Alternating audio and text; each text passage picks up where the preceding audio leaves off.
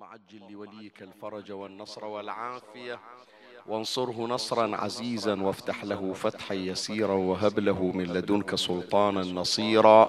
رب اشرح لي صدري ويسر لي أمري واحلل عقدة من لساني يفقه قولي. يا كاشف الكرب عن وجه أخيه الحسين. اكشف كربي بجاه أخيك الحسين نادي عليا. مظهر العجائب تجده عونا. لك في النوائب كل هم وغم سينجلي بولايتك يا علي. يا علي يا علي يا أبا الغوث أغثني. يا فارس الحجاز أدركني بلطفك الخفي ولا تهلكني. يا مولاتي يا فاطمة بنت محمد أغيثيني يا سيدي. صلى الله عليك يا سيدي ويا مولاي يا رسول الله. صلى الله عليك وعلى آلك الطاهرين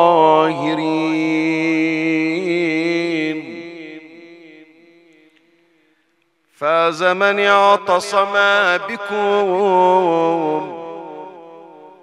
وأمنا من لجأ إليكم.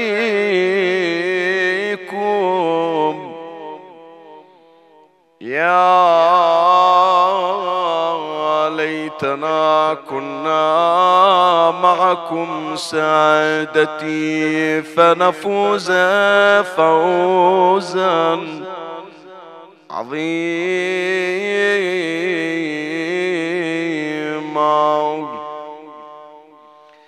بسم الله الرحمن الرحيم.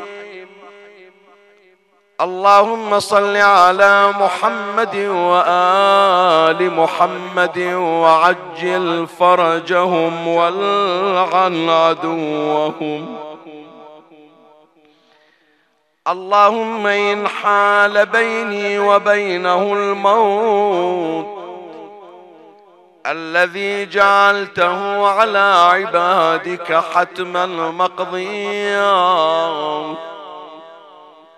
فأخرجني من قبري مؤتزر الكفن شاهر السيف مجرد القناة ملبي الدعوة الداعي في الحاضر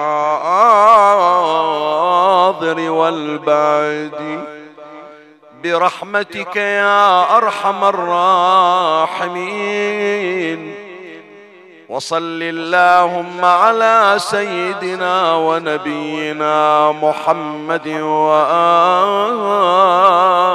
الطاهرين. اللهم صل على محمد وآل محمد. بعون الله وتوفيقه. نبتدئ من هذه الليلة سلسلة مختصة بعصر ظهور إمامنا صاحب العصر والزمان. عجل الله فرجه الشريف. وهذه السلسلة تعنى بالإجابة على أسئلة كثير من أحبتنا وإخوتنا الأعزاء. الذين يسألون عن عصر ظهور الإمام عليه السلام وعن أدوار الشيعة في ذلك العصر. في الأعم الأغلب حينما يكون الحديث عن عصر الظهور فإن المتكلمين والمتحدثين والخطباء يتناولون علائم الظهور مثلا. ماذا يسبق ظهور الإمام صلوات الله عليه من علامات؟ ويتحدثون بشكل واسع ومنبسط. أحيانا أخرى يتحدثون عن معالم دولة الإمام سلام الله عليه في عصر الظهور. كيف سيحكم الإمام؟ كم مدة حكمه؟ أين سيكون؟ مقر حكمه؟ وما إلى ذلك من هذه الأمور المختصة بدولة الإمام. لكن من ضمن التساؤلات التي تأتي ما هي أدوارنا نحن كشيعة في زمن الإمام؟ نحن الآن شبابنا أبناؤنا. لو أنه بعد سنة أو سنتين ظهر إمامنا سلام الله عليه. إن شاء الله يظهر في القريب العاجل. اللهم عجل له الفرج وسهل له المخرج. فبعد سنة أو سنتين أو خمس سنين من الآن إن أدركنا ذلك العهد أو على أقل التقادير أدرك ذلك العهد أبناؤنا. ما الذي ينبغي عليهم؟ ما هي وظائفهم؟ ما هي المهام المناطة بهم؟ هل أنهم سيقفون موقف المتفرج؟ وهذا يا أحبائي ضروري أنه ولو بمقدار أنه تعيد هذا التساؤل في ذهنك. بشكل فردي أتكلم. مرة تقول أنا راح أناقش بصورة عامة يعني يطرح على المنبر ما هي وظيفة الشيعة في عصر الظهر. هذا بصورة عامة. بس بصورة خاصة أنا كياسين أتكلم. أو حضراتكم من ترجع الآن إلى البيت. تقيم نفسك. الآن أنت تقيم نفسك. وتقول أنه لو باكر الإمام طلع وجيت أنا كياسين في لقاء الإمام. هل أنا مؤهل لنصرته؟ هل أنا عندي استعداد لنصرته؟ شنو يعني عندي استعداد لنصرته؟ إن شاء الله. نتمنى طبعا. لكن إحنا من نقول هل نحن مهيئين أو لا؟ هل نحن مهيئون أو لا؟ اولا هل عندي رصيد ديني اللي هو اليوم مثل ال CV مثل ورقة الدخول مثل ال green card؟ الآن أنت تروح تقدم على شركة أو على وظيفة ما يقبلونك وأنت ما عندك شهادة شهادة تحصيل. الشهادة هذه عند الإمام سلام الله عليه رصيدك الديني. فهل أنا اليوم عندي رصيد ديني يخولني أن أكون على أقل التقادير من المتشرفين بالسلام عليه مو بعد النصرة مو أن الإمام يختارني خادم أو يختارني من جنوده أو من أنصاره. لا. زين هي واحدة. الشيء الآخر لما أقيم نفسي حصيلة العلمية الإمام ما راح يعين جهله ما راح يوظف عند ناس ما يفقهون هم ما يعرفون يصلون شلون يصيرون خدام عند الإمام يعلمون الناس الصلاة؟ فاقد الشيء لا يعطي. فأنا أشوف الآن أنا أطرح لك عناوين تساؤلات أنت بينك وبين نفسك قول أنا الآن كشاب في الثانوية كشاب في الجامعة كفتاة مقبلة على زواج كرجل رب أسرة وما إلى ذلك أنا هل عندي من المخزون؟ هل عندي من الرصيد؟ هل عندي من الحصيلة؟ ما يخولني أن أكون من جنود الإمام ومن خدامه. أقول لك كلمة شوية توجع القلب يعني لا تزعل من عندي. هي قلت لك أنا بمقدوري أنه أجي أصعد على المنبر أحفظ لي كلمتين وأقراهم وأنزل. بس حريص أنه دائما مجالسي الشريفة أنها تكون جلسة مكاشفة. لأنه أنا بحاجة إلى واحد اللي ينبهني إلى أخطائي والقاعد هذا حرامات لما يكون عنده أخطاء وكل سنة يحضر الماتم ولا أحد يعالج أخطاءه والخطأ يزيد ويتفاقم عوض أنه يتداوى ويندمل. فالجلسة إذا كانت جلسة مكاشفة وتستفيد ويكون المصحة والمستشفى الذي يعالجك من أمراضك مستشفى الحسين عليه السلام. طوبى لك هنيئا لك. زين أحبائي سؤال أسأل. الآن كأولياء أمور كآباء كأمهات لو أنه أنا بتقدم أصلي جماعة ويا أولادي في البيت. شوف إيش أقول لك شوف السؤال. الآن صار وقت الصلاة. وقلت الآن صلاة المغرب أو صلاة الظهر ليش ما أتقدم؟ أصلي جماعة وتصلي وراي زوجتي وعيالي. من نجي إلى مسألة صلاة الجماعة شرط من شروط الإمام شنو؟ العدالة. فهل عندي عدالة على الأقل أمام أولادي أن أتقدم للصلاة؟ زحمة؟ إي والله أقول لك زحمة. صدق والله زحمة. حتى لو جيت أنا يعني إذا ولدي متدين ومتورع وأقول لهم أنا بصلي إمام وأنتم صلوا وراي. ويجيني ولدي يا بابا شلون تتقدم وتصلي إمام وأنت توك اليوم ساب منا وشات منه؟ أنت اليوم هذا اليوم اليوم. صادر من عندك غلط. بعيوننا شفنا. هذا إحنا شفناك تكذب عند باب البيت. هذا إحنا شفناك قولك يكذب فعلك وفعلك يكذب قولك. انت يا بابا ما تصلح لصلاة جماعة. شرط العدالة غير متوفر فيك. فصعبة يا إخواني. ولهذا قدنا يؤذيني. إحنا ما نحرص على ما أقول ما أعمم. معاذ الله. بس أقول البعض ما يحرص أنه يشتغل على نفسه على الأقل قدام خمسة أولاد عنده في البيت. أنه يحوز على وثاقته عند عندهم. يحصل على عدالته في نظرهم. بحيث لو صار يوم صلاة الخسوف صلاة الكسوف لو يوم قالوا بابا تقدم صل هذا الحين باكر ورا باكر. بابا صل بنا صلاة العيد. تمام؟ لا ما أقدر. ترى أنا ما عندي عدالة وأنتم تدرون عني. بنفسكم تشوفوني. ساعات أكذب ساعات أسبكم ساعات أغلط عليكم. فأنا قدامكم معادل. كيف أثبت عدالتي أمام صاحب الزمان؟ أقول لك حكي يعور ترى. حكي يوجع القلب. هي هذه إذا تريد مكاشفة هذه المكاشفة. إذا تريد مجرد حكي نسولف ونخلص الساعة إلا ربع ساعة وننزل نطبطب على جراحنا ما نستفيد فأتمنى يا أحبائي أنه تكون عندنا هذه المخاطبة المخاطبة الذاتية المحاسبة النفسية والصحوة واليقظة. إذا تريد تصير من أتباع الإمام ومن جنود الإمام وتريد إذا خرج الإمام سلام الله عليه وتجي أنت ويا غيرك الإمام يأشر يقول هذا جيبه هذا أريد يصير من أتباعي ومن جنودي ومن أنصاري. نبتدئ بأنفسنا. فهناك تساؤلات تأتي. من شبابنا على وجه التحديد. شيخنا إذا خرج الإمام سلام الله عليه ما هي مهمتنا؟ ما هي وظيفتنا؟ بعضهم يسأل عن الوظائف بصورة عامة. البعض الآخر يجي يطرح سؤال ثاني. شيخنا إحنا من نقرأ في دعاء العهد هذا المقطع. اللهم إن حال بيني وبينه الموت الذي جعلته على عبادك حتما مقضيا. فأخرجني من قبري. شلون؟ مؤتزرا كفني شاهرا سيفي مجردا قناتي. شاهر سيفي ومجرد قناتي. هذه شغلة العساكر. يعني إحنا ما إلنا وظيفة ولا مهمة في زمن الإمام إلا المهام العسكرية. يعني لو ما أقدر أنا أشيل سلاح ما إلى الإمام شغل وياي؟ هل الوظائف والمهام الموكلة إلينا فقط حربية وعسكرية؟ لو أكو هناك وظائف أخرى. هذا أيضا يسأل زين.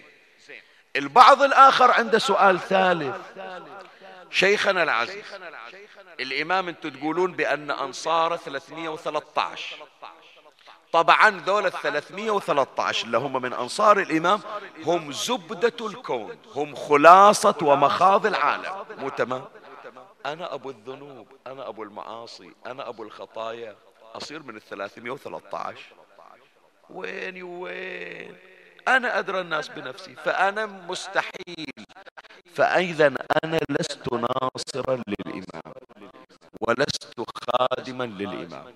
وراح أوقف يوم ظهور الإمام متفرج حالي حال غيري. هل هذا الكلام صحيح أو لا؟ هذه مجموعة أسئلة يا إخواني.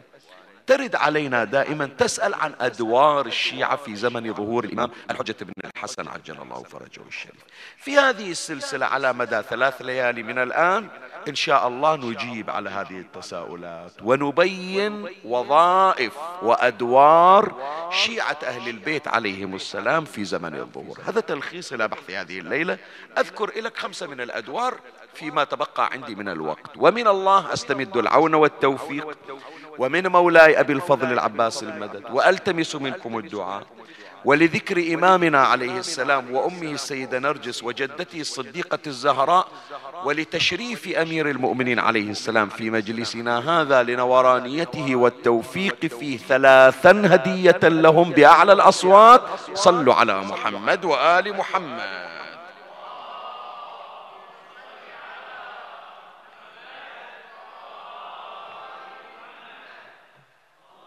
اللهم صل على محمد وآل محمد.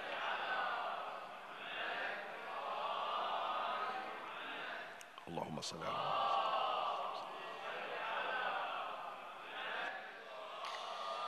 هناك يا أحبائي أدوار كثيرة للشيعة في زمن ظهور الإمام سلام الله عليه غير الدور العسكري والدور الحربي. الدور العسكري واحد من الأدوار. بس راح أبين لك بقية الأدوار. أول دور من أدوار ووظائف شيعة أهل البيت في زمن ظهور الإمام سلام الله عليه الدور التعريفي. شوية حط بالك للعبارات. الدور التعريفي. شنو يعني الدور التعريفي؟ شوفوا كلنا إحنا نحفظ الحديث حديث النبي صلى الله عليه وآله. لو لم يبق من الزمان إلا يوم واحد. لطول الله ذلك اليوم حتى يخرج رجل من أهل بيتي يواطئ اسمه اسمي وكنيته كنيتي يملأ الأرض قسطا وعدلا بعدما ملئت ظلما وجورا. من الحديث هذا اللي قريت على مسامعكم؟ اتهمني كلمتين. يملأ الأرض. الأرض يا جماعة بس شيعة. زين. الكرة الأرضية بس مسلمين؟ لا. أكو مسلمين أكو مسيح أكو يهود أكو ديانات أخرى أكو ملاحدة. فالإمام سلام الله عليه رسالته رسالة عالمية. الإمام مو بس طالع للشيعة ولا طالع بس للمسلمين ولا طالع بس للكتابين ولا طالع بس للذين يؤمنون بالله. بعد تبغى أكثر؟ لأنه واحدة من إصلاحات الإمام. ترى شنو على بالك الإصلاح يعني؟ ما عندنا فلوس يعطينا فلوس بس هو هذا شغل الإمام. لا واحدة من الإصلاح فساد النفس. أكو واحد لأنه ما حصل إلى موجه صار ملحد. الإمام المهمة اللي عجز عنها شيخ ياسين واللي عجزت عنها حسينية أبو صيبع أنه يقدمون هداية إلى هذا الملحد يأتي الإمام سلام الله عليه فيصلح ما فسد في نفس ذلك الملحد فيعيده إلى الإيمان وإلى ولاية أهل البيت صلوات الله عليه. فإذا إيه هي من أهم الأدوار يعني إحنا لا نحجم ولا نقزم دور الإمام. كثير من الأدوار بنذكر بعضها إن شاء الله في أثناء الكلام. فطيب حتى الإمام يملأ الأرض. هل الإمام يملأ الأرض بنفسه بيده أو له أعوان؟ له أعوان. الإمام عندنا في الروايات أنه أنصاره جنوده خدامة يملأهم في الأرض. هذا يقول له انت تروح الولايات المتحدة ذاك يقول له انت تروح أمريكا الجنوبية ذاك يقول له انت تروح أستراليا ذاك يقول له انت تروح الصين هذا يقول له انت شغلك في أفريقيا هذا يقول انت عندك في, في روسيا هذا انت وهكذا ينشرهم في أرجاء الأرض. ليش؟ بغرض الإصلاح. ولهذا يا أحبائي إذا هذا المعنى تحقق أنه سننتشر لإصلاح الأرض برعاية الإمام سلام الله عليه. تهمني إثارة جدا مهمة شوية. يمكن هذه الإثارة أول مرة تثار وتذكر بس يهمني أنه أكد طبعا الكرة الأرضية مو كلهم يحجون عربي. صحيح لو لا؟ أكو لغات. وإحنا الآن في هالزمن في زمن الغيبة صار هم عند أولياء الأمور أنهم يعلمون أبنائهم اللغات الغربية. صحيح؟ يعني سابقا إحنا يودونا المدرسة يعطونا مادة الإنجليزي من يوم إحنا في الصف الرابع. هل كم كلمة نمشي روحنا بيها تمام؟ الآن لا. الآن يهم هذا الولد أول ما يحكي قبل لا يتكلم عربي يتكلم إنجليزي. ويتكلم لغات أخرى. وهذا صار هم. وحتى البعض يضيق على نفسه حتى يعلم ابنه لغات أجنبية ولو كلف ذلك مبالغ باهظة. ليش؟ سؤال أسأل. ليش؟ خلنا غير نقول مكاشفة. الهم الأول الموجود عند أولياء الأمور. شيخنا اليوم الزمن مو نفس الأول. اليوم الزمن الوظيفة ما يقبلون واحد ما يحكي ولا يكتب إنجليزي. فأنا حتى يضمن ولدي وظيفة مستقبلية. حتى يقدر يتعامل ويا الزمن أنا أعلمه. وهذا ما في عيب بالعكس. لأنه هي آلة من آلات كسب المعيشة. ليش البعض يعني يتصور؟ إيه شوف هذا اللي يروح يعلم. نعم أنت حافظ على أمور دينه حافظ على أخلاقه حافظ على صلاته وخلى يتعلم لغات أخرى لأنها إذا كانت الحياة في الأيام المقبلة تحتاج إلى أدوات ومنها إتقان اللغات الأخرى. ليش هذا أنت تدري لو ما تدري تعلم بأن أهل البيت عليهم السلام يتكلمون بإثنين وسبعين لسان. انت كم لغة تتقن؟ اليوم أفضل واحد عنده لغات كم لغة؟ عنده ست سبع لغات. أهل البيت 72 لغة. اي نعم عندنا في الروايات الشكل. يتحدثون ب 72 لسانا. روايات عندنا الإمام الرضا عليه السلام الإمام الصادق صلوات الله عليه. يجونا من الهند يجونا من اليونان يتكلم مع كل شخص بلسانه. كان قال لا والله أفضل اللغات القرآن زين إلا هي لغة القرآن اللغة العربية أنا أحكي عربي. إلا يحب خليه يجيب له مترجم. وإلا أنا ما مكلف لا. هذا إذا كان مهمتك وظيفتك لا تصل إلا بمختلف الألسن هذا شيء تثاب وتؤجر عليه. لكن هذه الأم اللي تهتم في تعليم أولادها اللغة الإنجليزية وهذا الأب اللي يهتم في تعليم أولاده باللغات الأخرى. بألف عافية وأنا أقول لك أنت تؤجر وتثاب على هذا البذل. لكن خلي في بالك أيضا أن ولدك إذا أدرك زمن الإمام سلام الله عليه الإمام يختار أن يكون من جنوده فيوكل إليه مهمة التعريف بمذهب أهل البيت ودولة الإمام المهدي. يعني أنا من أعلم ولدي وأعلم بنتي لغة إنجليزية ويجيب لي درجات نهائية ومن تتكلم باللغات الأجنبية تتكلم بنتي بطلاقة وهذا شيء يفرحني ما شاء الله أولادي يعرفون إنجليزي. مطلقين وذلقين اللسان. فكر الأهم أريد بنتي وابني من يدركون زمن الإمام. والإمام سلام الله عليه يحتاج في زمن ظهوره إلى أن يعلم الناس مبادئ دولة الإمام المهدي. الثقافة المهدوية أريد ابني يصير واحد من جنود الإمام. أريد ابني يصير أحد الموظفين عند الإمام. إذا واحد جاي من الولايات المتحدة أو من لغات أخرى يريد واحد يعلمه يثقفه أريد ابني جندي الإمام هو الذي يقوم بتعليمه. وطبعا هذا مو فقط لابد أنه يتقن اللغة الإنجليزية لابد يكون عنده رصيد ديني لابد يكون عنده رصيد أخلاقي لابد يكون عنده التزام لابد يكون عنده عشق مهدوي. ومع هذا كله مثل ما تعبت على ابنك. في اللغات الأخرى اتعب على ابنك في تغذيته شؤون الثقافة المهدوية والأمور العقائدية. صار واضح مولاي الكريم؟ زين فإذا دور من الأدوار الذي تقوم به الشيعة في زمن الظهور أنهم يعرفون الناس بمبادئ الإسلام بمبادئ التشيع بمبادئ أهل البيت عليهم السلام. شو يسوون؟ هذا التعريف كيف يكون؟ راح أجيب لك الآن الروايات. واحدة من الأدوار التعريفية لشيعة أهل البيت أنهم يثقفون الناس بمميزات أهل البيت. شغلتنا إحنا في زمن ظهور الإمام نجي إلى ذول الأشخاص شوية حطوا بالكم يا أحباء إلى الكلام. الإمام إذا طلع إن شاء الله على بالك من يطلع الإمام كل العالم راح يعرفون بأن هذا الإمام. أكو ناس أصلا ما سامعين باسم مهدي. أكو ناس ما سامعين بشيء اسمه إسلام. فكر أنت خلنا من نقول الإمام بيطلع سنة 2025 مثلا. الولد أبو 16 سنة اللي ما يدري أصلا ما يعرف إلا بلده. ترى طلع المهدي. أي مهدي؟ مهدي إمام الشيعة. أي شيعة؟ الشيعة فرقة من فرق المسلمين. أي مسلمين أنا ما أعرف شيء عن هذا الحج. إيش دران؟ لا أبوي ولا علمي. وظيفة منو يعلمه؟ هي وظيفتنا إحنا. أحسنت. انجي إحنا أتباع الإمام. نعلمه بالإسلام نعلمه التشيع نعلمه أهل البيت أنهم أناس مميزون. فلهذا واحدة من أدوار الشيعة يا إخواني أنهم يحببون كل الناس في محمد وآل محمد صلوات الله عليه.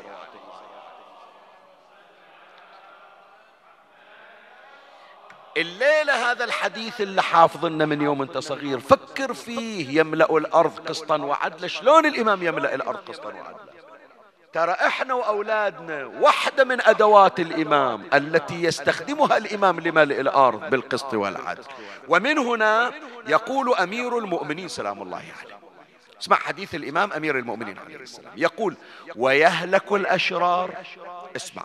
ويهلك الأشرار ويبقى الأخيار ولا يبقى من يبغض أهل البيت. في زمن ظهور الإمام أعيد الرواية ويهلك الأشرار ويبقى الأخيار ولا يبقى من يبغض أهل البيت. بعض المتشددين والمتطرفين إيه الإمام بيجيبهم بقصص رقابهم. شنو قصاب الإمام؟ لا هذا مو فن. هذا مو فن انه كل واحد يختلف وياك في الراي تقطع راسه. الفن الحقيقي والإبداع أن تستطيع أن تقنع حتى المتشدد. والفن الأكبر شوفوا فن الأكبر أن يصنع علي مثل سلمان المحمدي. أن يصنع علي مثل مالك الأشتر. أن يكون عند الحسين مثل أبي الفضل العباس. فيا أحبائي يا أولادي الليلة أريدكم هالكلمة تحفظونها وتخلونها عندكم.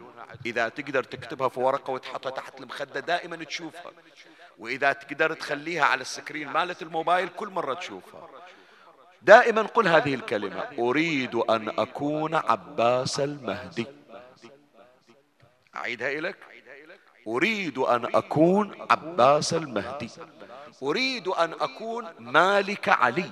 أريد أن أكون سلمان محمد. لابد أنا أخلي في نفسي هالطموح أريد من يطلع الإمام أول واحد. مو أقول والله أنا ما أقدر أصير. لا أصير على مقدمة الثلاثمية وثلاثة عشر. وهالأرض اللي راح تمتلي قسطا وعدلا وراح تصلح والناس اللي راح تلهج بذكر أهل البيت أكون أنا آلة الإمام في نقل حب أهل البيت لهم. فهذه واحدة من المهام التعريفية عند الشيعة أنهم يقومون بزرع محبة الإسلام والتشيع وحب, وحب الثقافة المهدوية في قلوب الآخرين. واحد. اثنين. من الأدوار التعريفية لشيعة أهل البيت أنهم يقومون بنشر خصائص الإمام المهدي. هذا من الليلة تحطون عندكم هالاستعداد يا جماعة. لو خرج الإمام سلام الله عليه. وهذا من أولادنا اللي دائما يدخل على النت دائما على ال live دائما على سائر هذه الوسائل ال social media. ويلتقي بواحد أجنبي. وياه شاب مثلا أجنبي أو هو يدرس بلندن فرضا أقول. وياه في الجامعة واحد يا جماعة أنتوا المسلمين العرب الشيعة يقولون طالع عندكم واحد اسمه المهدي. شنو المهدي؟ أنا وظيفتي أن أنقل له صفات الإمام. سلام الله عليه. الإمام في زمن ظهوره راح يرسل أشخاص وظيفتهم شنو؟ ينقلون خصائص الإمام إلى الناس يحببون الناس في الإمام المهدي بحيث يأتي الناس سبحان الله كما ورد في الروايات يأتون حبوا على الثلج. شنو يعني حبوا على الثلج؟ يعني يقولون هذا اللي يحجون عنه المهدي نريد نشوفه بس نسلم ونتشيع ونصير من أتباعه. فلهذا ورد في الرواية عن الإمام الصادق عليه السلام. قال يكون شيعتنا في دولة القائم عليه السلام سنام الأرض. سنام الأرض يعني شنو؟ يعني هم المميزين اللي يعتمد عليهم الإمام. سنام الأرض وحكامها يعطي كل رجل كل رجل منهم قوة أربعين رجلا. بعضهم من يجي يفسر الحديث شنو يعني قوة أربعين رجل؟ يعني يقول عنده عضلات وفتنس وما أدري شلون كذا؟ لا. يعني كل أربعين رجل الإمام يخلي عليهم واحد. شغلته شو يسوي؟ يزرع في قلبه حب الإمام المهدي سلام الله عليه. فلهذا بسرعة تشوف الأرض كلها صارت مهدوية. من وين؟ ببركة جهود الشيعة الذين يقومون بتعريف الناس بالإمام سلام الله عليه. الآن نجي شوية شوف أنا هذا الحديث على أنه مهم لكن لو تسألني عن أهم فصل في بحث هذه الليلة في هذه الحلقة من هذه السلسلة المباركة هذه النقطة. الترويج لمبادئ الإمام. أعيدها. الترويج لمبادئ الإمام. الإمام لما يطلع يا جماعة عنده رسالة عنده أهداف من الذي يقوم بنشر الأهداف؟ أنا وأنت. إيه نعم. وإذا اليوم جينا سألنا شنو أهداف الإمام إذا طلع؟ زين بعد أقول لك شيء. إذا طلع الإمام تبايعه لو ما تبايعه؟ سؤال أسأل. رد علي خلي أسمع صوتك. تبايعه؟ زين. تبايعه على شنو؟ سكتنا. شي يريد من عندنا الإمام؟ حتى نقول له إن شاء الله حاضرين نبايعك عليه. مع الأسف أنا أقول لك ما ندري. زين ولا نعرف. وقليل التطرق إليه بس أنقل إليك الآن من تيجي تصافح الإمام وتبايعه تبايعه على شنو؟ اللي هي أهداف الإمام. اللي يقول اللي يقول لك أريدك تلتزم بيها وأنت اللي تنقلها إلى الناس تقول أنا من جنود الإمام ومن خدامه ومن أتباعه وهذه أهدافه وأنا جاي أنقلها اليه مثل اليوم يا جماعة اليوم سامع أنت عن الحملات الانتخابية في كل مكان. هذا اللي يرشح نفسه ما يعرفون الديرة. هذا اللي جاي الآن للدائرة وأبو صيبع مثلا ما يعرفونه. شي يسوي حتى تعرف أبو صيبع وتعرف الشاخورة والحجر؟ يجيب واحد يعرف يسمونه مفتاح انتخابي. عدل سامع عن مفتاح انتخابي؟ يعني هالشخص اللي مرشح روح أنا ما أعرفه.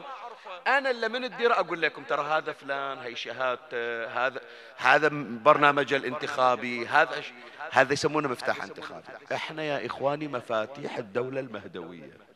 إذا طلع الإمام وما يعرفون الإمام إحنا وظيفتنا نعرف الناس من هو الإمام المهدي. إذا نريد نصير من جنوده. فإذا جينا بايعنا الإمام الإمام شي يريد من عندنا؟ أقرأ لك الرواية. شوية. قبل لا أقراها تفرغ لي قلبك تعيرني سمعك تقبل علي بكلك وتركز في كل كلمة وقبل كل شيء. صل على محمد وآل محمد.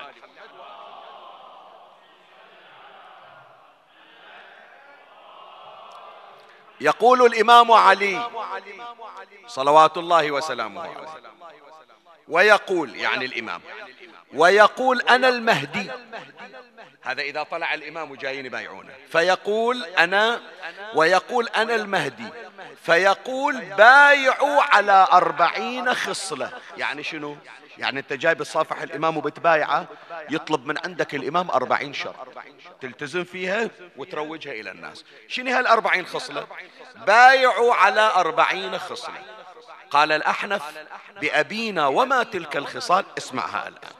فقال أمير المؤمنين عليه السلام يبايعون على هذه أهداف الإمام اللي راح تنشرها يبايعون على أن لا يسرقوا ولا يزنوا ولا يقتلوا ولا يهتكوا حريما ولا يشتموا مسلما. خليه يعرف اللي دائما يسب ويشتم ويقول أنا باكر من أنصار الإمام وأقرأ كل يوم دعاء العهد. شوف الإمام شي يريد من عندك. ولا يشتموا مسلما ولا يهجموا منزلا ولا يضربوا أحدا إلا الحق. اسمع شو يقول الإمام شوي هذه ركز فيها. ولا يركبوا الخيل الهماليج. شنو الخيل الهماليج؟ هذه يقولون الخيل السريعة يعني لا تطلع متهور في السرعة في الطريق. إذا تريد أنت تكون ممثل للإمام صورتك صورة الإمام متزن في مشيتك من تركب سيارة من تركب مركبة. يشوفون وقارك ليش هذا أوقر من غيره. هذا ماشي على منهج الإمام سلام الله عليه. هي واحدة من الشرائط اللي يخليها الإمام. ولا يركب الخيل الهماليج ولا يتمنطق بالذهب ولا يلبس الخز. ولا يلبس الحرير ولا يلبس النعال الصرارة ولا يخرب مسجدا ولا الله أكبر. حط بالك للكلمة. ولا يقطع طريقا ولا يظلم يتيما ولا يخيف سبيلا. ما يسبب إزعاج للآخرين في الشوارع ولا يخوف الناس في الطريق. ولا يخيف سبيلا ولا يحتسب مكرا ولا ياكل مال اليتيم ولا يف ولا يفسق الغلام ولا يفسق بغلام ولا يشرب الخمر ولا يخون أمانة ولا يخلف العهد ولا يكبس طعاما من بر أو شعير. يعني لا تحتكر الطعام وتمنع على الآخرين. ولا يقتل مستأمنا ولا يتبع منهزما ولا يسفك دما ولا يجهز على جريح ولا يلبسون الخشن من الثياب ولا ويوسدون التراب على الخدود ويأكلون الشعير ويرضون بالقليل ويجاهدون في الله حق جهاده ويشمون الطيب ويكرهون النجاسة. يعني شنو؟ يعني يصير نظيف داخل وبرا من أجي أقعد وياك مو حكيك عسل. وفعلك القلبي كله سواد. تجي تتجمل قدامي. عندهم بالأمثال العراقيين يقولون يقولون في الوجه مراية وفي القفا سلاية أقعد وياك أحسن الألفاظ. أتباعد عنك تجيني الضربة من عندك. لا. أصحاب الإمام جنود الإمام خدام الإمام ما عنده شيء يضمه. طاهر القلب والسريرة. طاهر البدن والجسد. اي نعم. هذول منهج. يبايعون الإمام على هالأربعين خصلة ويقول يلا بايعتني روح انشر هالتعاليم خلي يشوفونها عليك وقول للناس هكذا هو مبدأ ومنهج الإمام المهدي أرواحنا في ذا فيعرفون الناس بمناهجه بمنهجه وبمبادئه. بعد من يحجون للناس يحجون باشتياق. من يحجون للناس يشك ينقلون حبهم وعشقهم للإمام سلام الله عليه. يعني. شلون؟ أنا أقول لك. أنا ما أدري عن هالعالم عالم ال social media ما أدري. بس الآن في هالزمن واحدة عشقت لها واحد. قامت نزلت في الصور في الإنستغرام في سناب شات بغيره هذه هدية حبيبي هذه هدية زوجي. أنا أحبه. هذه مو تمام معشوقنا الأكبر صاحب الزمان. إي والله. معشوقنا الأكبر الذي يقودنا إلى عشق الله هو صاحب الزمان. الناس إذا شافت يا جماعة الآن إحنا بشهر خمسة. شوفوا إذا جاء شهر اثنين وإجا هذا العيد اللي يسمونه عيد الحب الفالنتاين. شلون تنخبص الدنيا؟ شلون من تطلع لمكان الله الدنيا كلها حمراء. هذا ما أدري شنو هدية حمراء هذا ما أدري شنو دب أحمر هذا ما أدري شنو كذا وردة حمراء هذا كذا. عيد الحب. مو تمام؟ متى يكون لنا عيد؟ حب الإمام صاحب الزمان متى العالم يقولون الشيعة شعدهم؟ هالجنون اللي عندهم شعدهم أنت تمر عليك عاشوراء الحسين تمر عليك أربعين الحسين كل الناس تعرف حبك إلى الحسين. تمام لولا؟ هل عندك يوم مهدوي تبين للناس حبك للإمام صاحب الزمان؟ إيه.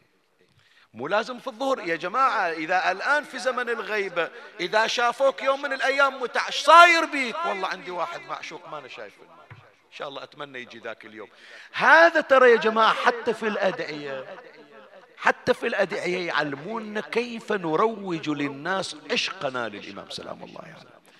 اللهم أريني الطلعة الرشيدة والغرة الحميدة. كملها إلي.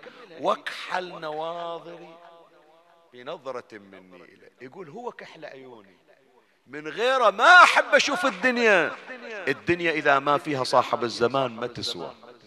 جمال الدنيا إذا تشرفت بخروج قائم آل بيت محمد.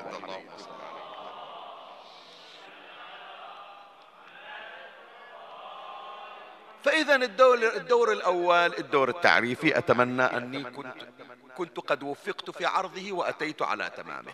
الدور الثاني من أدوارنا. هذا اللي يسألون شيخنا شو أسوي أنا إذا طلع الإمام؟ واحدة من أدوارك الدور الخدمي. الإمام إلى خدمات يا جماعة. الإمام إلى سكن وإلى مقر. وإلى محل يلتقي فيه مع الناس. يقول الإمام الصادق عليه السلام دار ملكه الكوفة ومجلس حكمه جامعها يعني جامع الكوفة وبيت ماله ومقسم غنائم المسلمين مسجد السهلة. ثم يقول الإمام الصادق عليه السلام ولتصيرن الكوفة أربع وخمسين ميلا وليجاورن قصورها كربلاء. يعني توصل بيوتات الكوفة إلى وين؟ إلى كربلاء. طيب إذا صارت الناس كلها مهدوية إلا من أمريكا إلا من الفلبين إلا من أستراليا إلا من الهند راح يجي يشوف الإمام. إما عنده حاجة أو يريد يسلم على الإمام. هذول من يجون للإمام يحتاجون ضيافة لو لا؟ زين منو يضيفهم؟ أحسن. أنا وإنت. شوفوا يا أحبائي هذه الآن إحنا عندنا عملية تحضيرية إلى دولة الإمام. المضايف اللي ننصبها. من تطلع مشاي من النجف إلى كربلاء. شوف كم موكب يستقبلك يضيفك. هذا اللي خبرونا عنه أيام عاشوراء. إحنا عندنا الحسينيات. كل حسينية تطبخ تستضيف الناس. ويوم اللي يجي غريب أنا متأكد هذا مع العلم أنا ما قريت موسم محرم في أبو صيبة لكن أنا أدري هذا وضعها. شوف يستقبلون أهل الديرة. لما يجيك واحد يتسمع من برا الديرة الضيافة تصير أكبر. لما يجيك واحد مو من الشيعة جاي يريد يسمع عندك في المأتم. الضيافة أكبر. لما يجيك واحد إنجليزي في المأتم. الضيافة أكبر وأكبر. ليش؟ لأن تقول هذا مو بيتنا مو حسينيتنا. هذا بيت الإمام. فهذا ضيف الإمام لابد إحنا نعامله باحترام. تمام لو لا؟ هم أيضا يصير في كل مكان. هذه الحالة من الضيافة اللي موجودة الآن في زمن الغيبة تحضيرية لزمن الظهور. من يجون إلى زيارة الإمام من يجون إلى لقاء الإمام في مسجد السهلة في جامع الكوفة. هذول من يقوم بالاهتمام بهم؟ منو يقوم بتسكينهم؟ منو يقوم بضيافتهم؟ منو يستقبلهم؟ إحنا. فإحنا خدام الإمام مثل ما أنت اليوم تفتح مضيف. وخدام الإمام ومضيف الإمام مو والله أسوي شاي شاي أبو صالح ومو أكل مو هذا المقصود. أو إنما لابد أن يروا عليك صفة الإمام. سلام حرام أفتح مضيع وأنا اشتم اللي يطوف. عدل ولا حجي حرام أنا فاتح مضيف باسم الإمام الحسين والأذان يقول الله أكبر وأنا مؤخر الصلاة. حرام هذا المضيف. أسرف وأرمي الأكل في البحر. باسم الإمام سلام الله عليه يسحقون الناس على والأطفال يلعبون فيه بالشوارع باسم الحسين. لا. حرام أنه وقت الصلاة أنا مؤخر الصلاة. حرام أنه هذا الطعام إلا جاي أبذله ما أراعي الحلال والحرام فيه. فأنا أكون مهدوي. يعني أمشي على منهج الإمام سلام الله عليه. مثل ما كنت حسيني في مشيتي في ضيافتي في تورعي. في تورعي. عن الشبهات فضلا عن الحرام. أقدم أكل أقول لهم هذا أكل متعوب عليه لأن هذا مقدمنا باسم الحسين. ما أجيب إلى الحسين أي طعام من غير حل تمام؟ فشوف من الآن قصة الحسين تحضير لقصة صاحب الزمان. لطمك على الحسين اشتراكك في شعائر الحسين المشي إلى الحسين ضيافة للحسين. كلها حتى تحضر نفسك. لضيافة ضيوف الإمام المهدي سلام الله عليه كما ضيفت ضيوف الإمام الحسين. فإذا الدور الثاني دور خدمي. الدور الثالث من أدوار الشيعة في زمن الغيبة في زمن الظهور الدور التضحوي. أنا جاي الآن مثل ما يقولون standby متى الإمام يحتاجني؟ حتى لو للقتل. أنا خلاص. أجل شنو بأبي أنت وأمي؟ شنو يعني بأبي, بأبي يا جماعة من تقول بأبي أنت وأمي. شنو يعني؟ يا أحسنت. يعني أنت تقول للإمام يا سيدي يوم تحتاج دم مو أنا. أجيب أبويا وأمي أعز الناس. إلا أنا أفديهم لا كلنا إحنا فدائنا إحنا من نعلم أولادنا يا أحبائي. من نعلم أولادنا أنهم يقولون قول بأبي أنت وأمي. يعني شنو؟ يا بابا أنا أدافع عنك. لكن يوم اللي يطلع صاحب الزمان أنا وأنت كلنا فدوة لصاحب الزمان سلام الله عليه. فلهذا شوفوا أنا أحكي لكم قضية. وهذه الليلة خلوها كدرس. طبعا يمكن أولادنا ما أدري سامعين بس ما أدركوا. تذكرون سنة اللي صارت غزو الكويت. الغزو البعثي على دولة الكويت كان في 4 أوغست سنة 1990 إيه؟ اشتغلوا أهل الكويت اللي ظلوا في الكويت كلهم مقاومة. يقاومون الاحتلال. تمام لولا حتى بعض البيوت مثلا الأولاد يجون إلى الآباء إلى الأمهات. بابا ليش ما نطلع؟ الناس كلها طلعت ليش ما نطلع؟ يقول لا بابا الكويت غالية ما نتركها ما نسلمها للغريب. ما عندنا شيء أغلى من وطننا. وقاموا يشتغلوا. الكل اشتغل في المقاومة. رجال نساء حتى النساء اشتغلت بالله تقدر عليه. واحد من أصدقائنا الله يذكره بالخير الله يذكره بالخير. يقول شيخنا مرت علينا أيام أكل ما عندنا من موت جوع. من موت جوع لأن نخاف نطلع تجينا طلقة. إلى الآن بعض البيوت ترى الطلقات موجودة في الجدران. إلى الآن شوف من تسعين إلى الآن كم سنة مرت. زين فهذا الله يذكره بالخير صاحبي يقول إحنا في كل الأحوال ميتين. إما نبقى في البيت من غير أكل نموت جوع أو نطلع برا تجينا الطلقة فخلي أطلع وأشوف أكل إلي وإلى الجيران. فيقول شيخنا كل يوم أطلع أروح نجي إلى الجمعية فناخذ الأكل على أقل التقادير خبز كذا وغيره. يقولوا قمت أروح أدور على البيوت حتى اللي ما أعرفهم. أدق البيبان وأعطيهم الخبز والشكر وكذا واللحم. وهذا يقول في السيارة والطلقات تجيني زين ما أروح. ليش؟ قال لا لازم أعلم نفسي. شخانتي شنو فايدتي إذا ما أفدي الآخرين وإذا ما دافع عن بلدي؟ هذه نموذج هذه عينة. يا إخواني إحنا نعلم أولادنا من نذكر لهم قصة الغزو على الكويت واحتلال الكويت.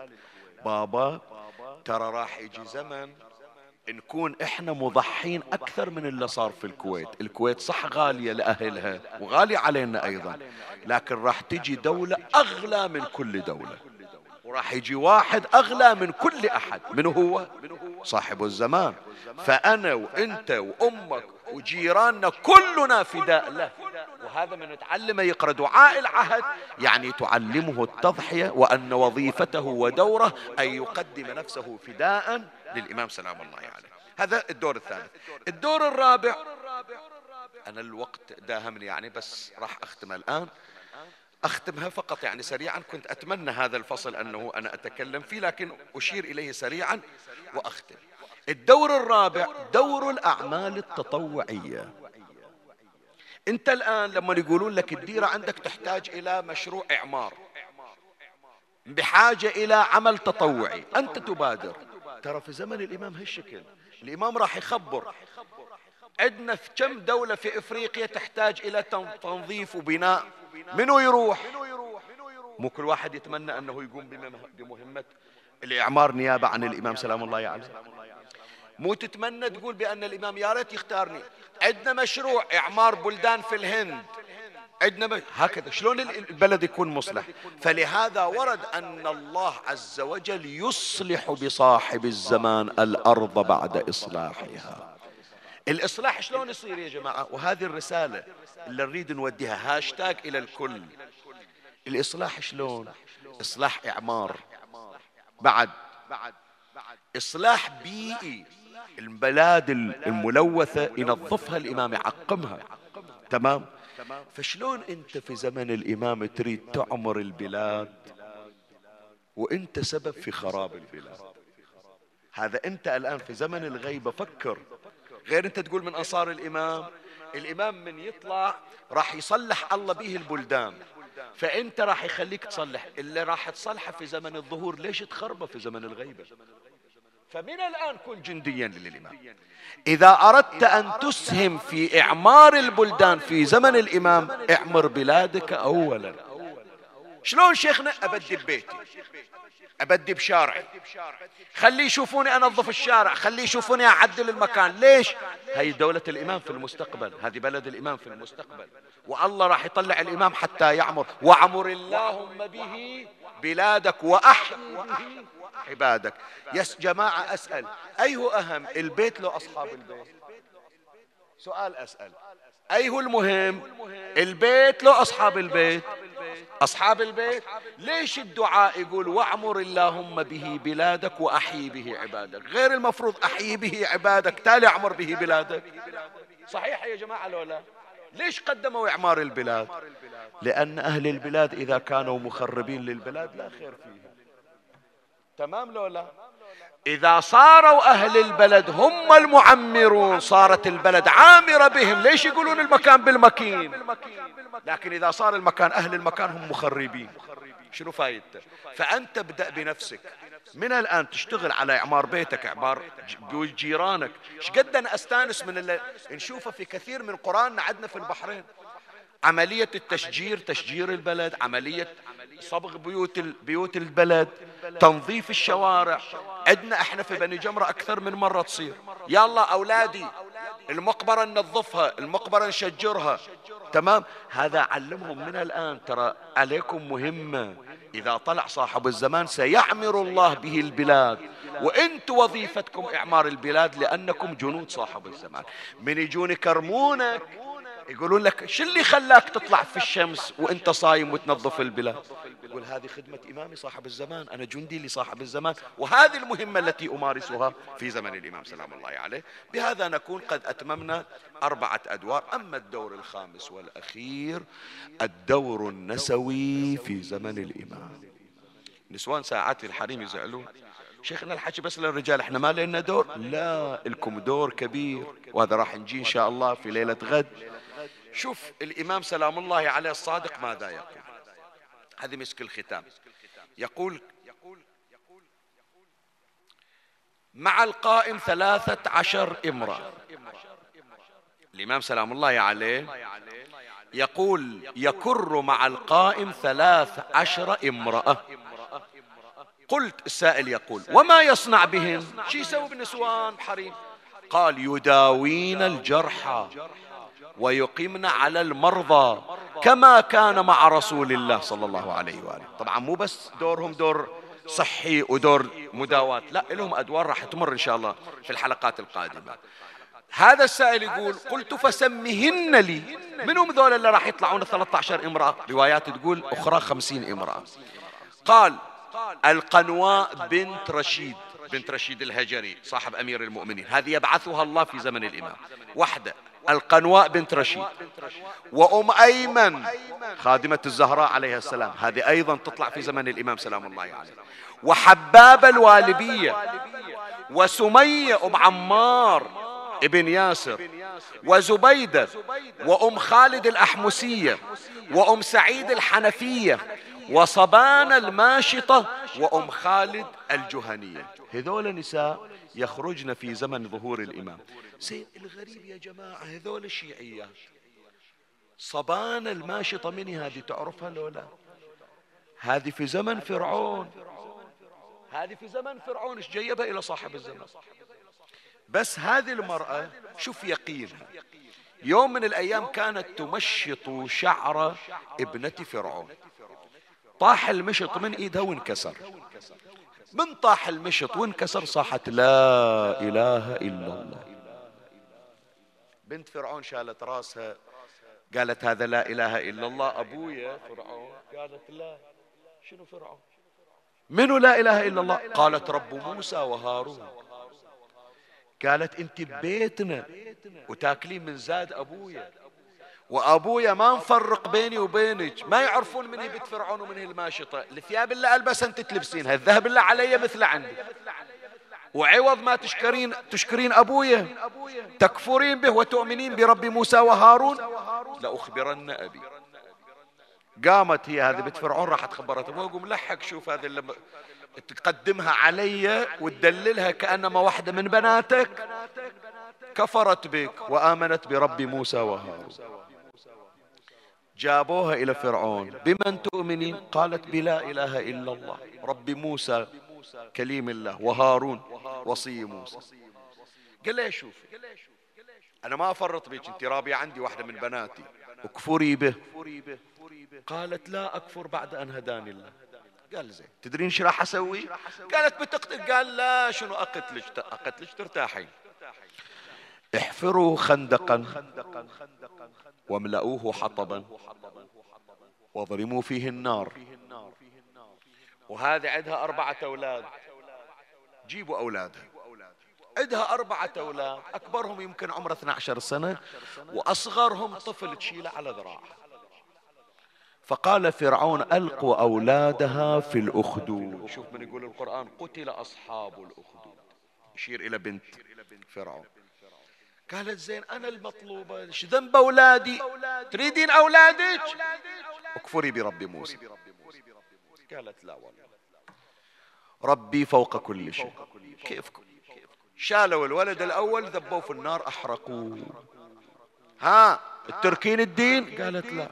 الولد غالي لكن الدين أغلى. شالت الولد الثاني. ذبوه. شالوا الولد الثاني ذبوه في النار. وتشوف أولادها يتقلبون والنار تستعر به. وهي مطرقة برأسها الثالث شالوه والطفل الرضيع شايلتنا على ذراعه. شوية وإذا جاي ذاك الجلاد ناوليني هذا الطفل. إيش بتسوي بيه؟ أحرقه مثل إخوانه. قالت زين ذيلك على الأقل يعرفون يفتهمون شنو القضية. طفل لم يدري ما الغاية لم يأتي بجناية. قال تريدين سالم؟ قولي كفرت برب موسى وهارون. هي نزلت راسها. وقع في قلبها قالت هذا ولد ما إلى ذنب. حتى ذيلاك ما إلهم ذنب لكن هذا على الأقل ما يفهم شنو القضية خلي أقولها بلساني. أقول له كفرت أقول له فرعون كفرت برب موسى وهارون. وأطلع الولد أشوف له واحد يربيه وبس أأمن عليه. أرد أرجع إلى الدين. بس حافظ عليه. فلما همت صبان الماشطة بأن تنطق بالكفر أنطق الله ذلك الرضيع. وقال يا أماه اثبتيه فإن الدنيا ساعة فاجعليها طاعة. ما عليك خلنا نروح كلنا. لكن كل شيء للدين هي من سمعت هذه صبايا دفع قالت خذوه ودوه يا إخوان احرقوه بالنار. ألقت ألقوه في النار. شوف قدمت أربع أولاد. الإمام الصادق يقول تستاهل تطلع في زمن صاحب الزمن منو بعد غيرها قدم أربع أولاد؟ إجت واحدة نستنا صبان الماشطة إي والله قاضية الحاجة. إذا هذه صبان الماشطة قدمت أربع أولاد منو توسل بها إلى الله؟ منو يدري عنها؟ لكن ذيك عم اللي ما قروا لها فاتحة اللي وجبتهم ذيك اللي ما طرقوا بابها وخيبتهم عمي ذول الأولاد اللي راحوا مهما كانوا صح قربان لكن كلهم هالأربعة ما يسوون ظفر أبو فاضل. إلا قدمته أم البنين للحسين. هذه الأم صح هي شافت الأولاد يحترقون وذبوها وراهم في الخندق. ما, ما ذاقت حرارة فراقهم. لكن ذيك الأم اللي سوت لها أربع قبور وخلت قبر خامس وقامت كل يوم تطلع تقعد في المقبرة. والشمس نازلة على راسها. الشجري في الكتاب الأمالي يقول وكف بصرها حزنا على أولادها. عميات من البكي. يجون إلها يقولون لها أم البنين. أنت كم ولد عندك؟ تقول أربعة أولاد. وذول القبور الأربعة المن تقول لأولادي هذا قبر باسم العباس هذا قبر باسم عبد الله هذا قبر باسم جعفر هذا قبر باسم عثمان. زين أم البنين أنت أربعة أولاد وسويتين لهم أربعة قبور. هالقبر الخامس المن تقول هذا قبر حبيبي يا حسين. زين أم البنين. الحسين مو ابنك ابن الزهرة. سوي قبور الأولادك. ليش مسوية قبر للحسين؟ قالت لأن العادة الأم إذا فقدت ولد تقعد على قبره.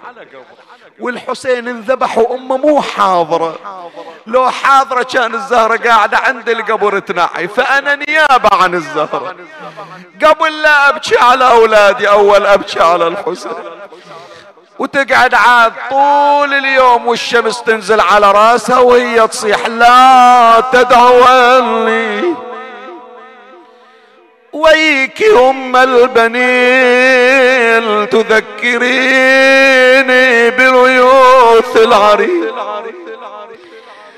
كانت بنون لي أدعى بهم وينهم راحوا واليوم أصبحت ولا من بنين. إلا إلى حاجة خليه يقرأ وياها. بالأمس كانوا معي واليوم قد رحلوا وخلفوا في سويد القلب نيران. وين صوتك؟ نذرون علي. أحسن؟ احسن احسن وش بتسوين؟ لا أذبحن إلى الرحمن قربان. ولا جاء ولا جو أنا أم الأربع الراحة ولا جاء وعليهم ارض متلمني ولا جاء من ونوا على الغبرة. ولا جاء ولا جاء وتمنيت حضرت في الغاضري إيه تمنيت حضرت في الغاية.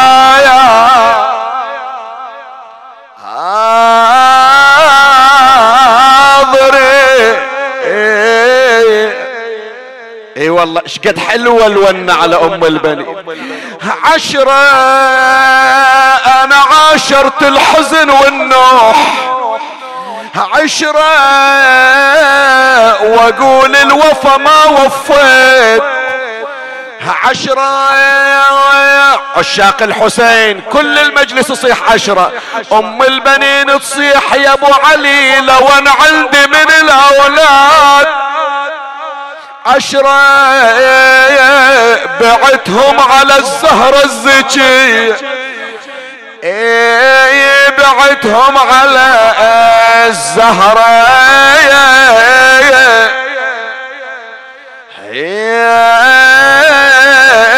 الزكية أولاد اربعة والناس فيهم يحسدوني والخلق بس أم البنين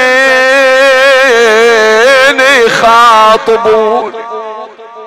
وين راحوا؟ كلهم فرد ساعة. يا وصفة فارقوني ظلوا على حر الثرى من غير تغسيل. وويلا لا تذكروا لي هالاسم ذايب فادي منين البنين وكربلاء ضمت أولاد عباس صوب النهر ما قطوع وين الحسين وحسين واسفة فوق صدر داسة الخير وويل شنو من مجلس هالمجلس شنو من مجلس؟ أحكي لك. عندك شك بعد روح الزهرة مو حاضرة ويانا؟ شيء غريب هالليلة شيء غريب أحكي لك. كل ليلة نقرأ زينب ونجيب مصيبتها. شلون الليلة نخليها؟ أسألك الدعاء. عندك حاجة قدمها. أم البنين تسأل زينب. زينب إن شاء الله أبو فاضل بيض وجهي قدامكم. إن شاء الله يوم القيامة أرفع راسي بوجه الزهرة. قالت يما ما قصر أبو فاضل. لكن أسولف لك؟ يسولف زينب. قالت عقب عباس يا يما سبوني. وسط المجالس دخلوني. ويا الخارجية يسموني. يما يما الخارجية يسلموني ولو بجت عيني يضربوني يضربوني يما ومن الضرب ورمة متوني. ومن الضرب ورماها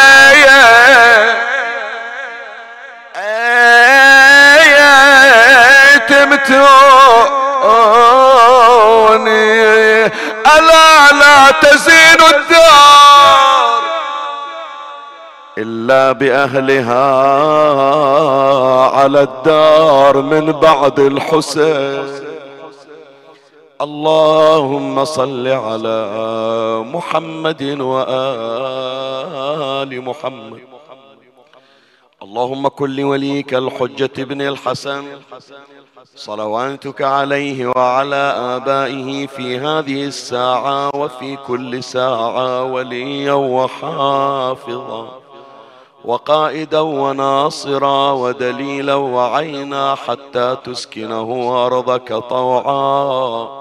وتمتعه فيها طويلا. يا مدبر الأمور. يا باعث من في القبور يا مجري البحور يا ملين الحديد لداود عليه السلام.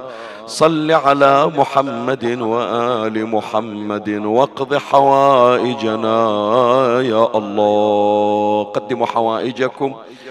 اسألوا أسألكم الدعاء للمؤمنين الذين سألون الدعاء. المرضى المحرومين من الذرية اللي عندهم حوائج متعسرة ادعوا لهم بقضاء الحوائج والفرج العاجل. اللهم عجل فرج إمامنا صاحب العصر والزمان. شرفنا برؤيته وارزقنا شرف خدمته. وارض اللهم قلبه عنا فإن في رضا قلبه رضاك. ترحم على أموات وأموات الباذلين والسامعين والمؤمنين سيما من لا يذكره ذاكر يا رب العالمين. أعوذ بجلال وجهك الكريم أن ينقضي عني شهر رمضان أو يطلع الفجر من ليلتي هذه ولك قبلي تبعة أو ذنب تعذبني عليه. اكتبنا من عتقائك من نار جهنم. وأوصل للموتى جميعا ثواب هذا المجلس وثواب الفاتحة مع الصلوات.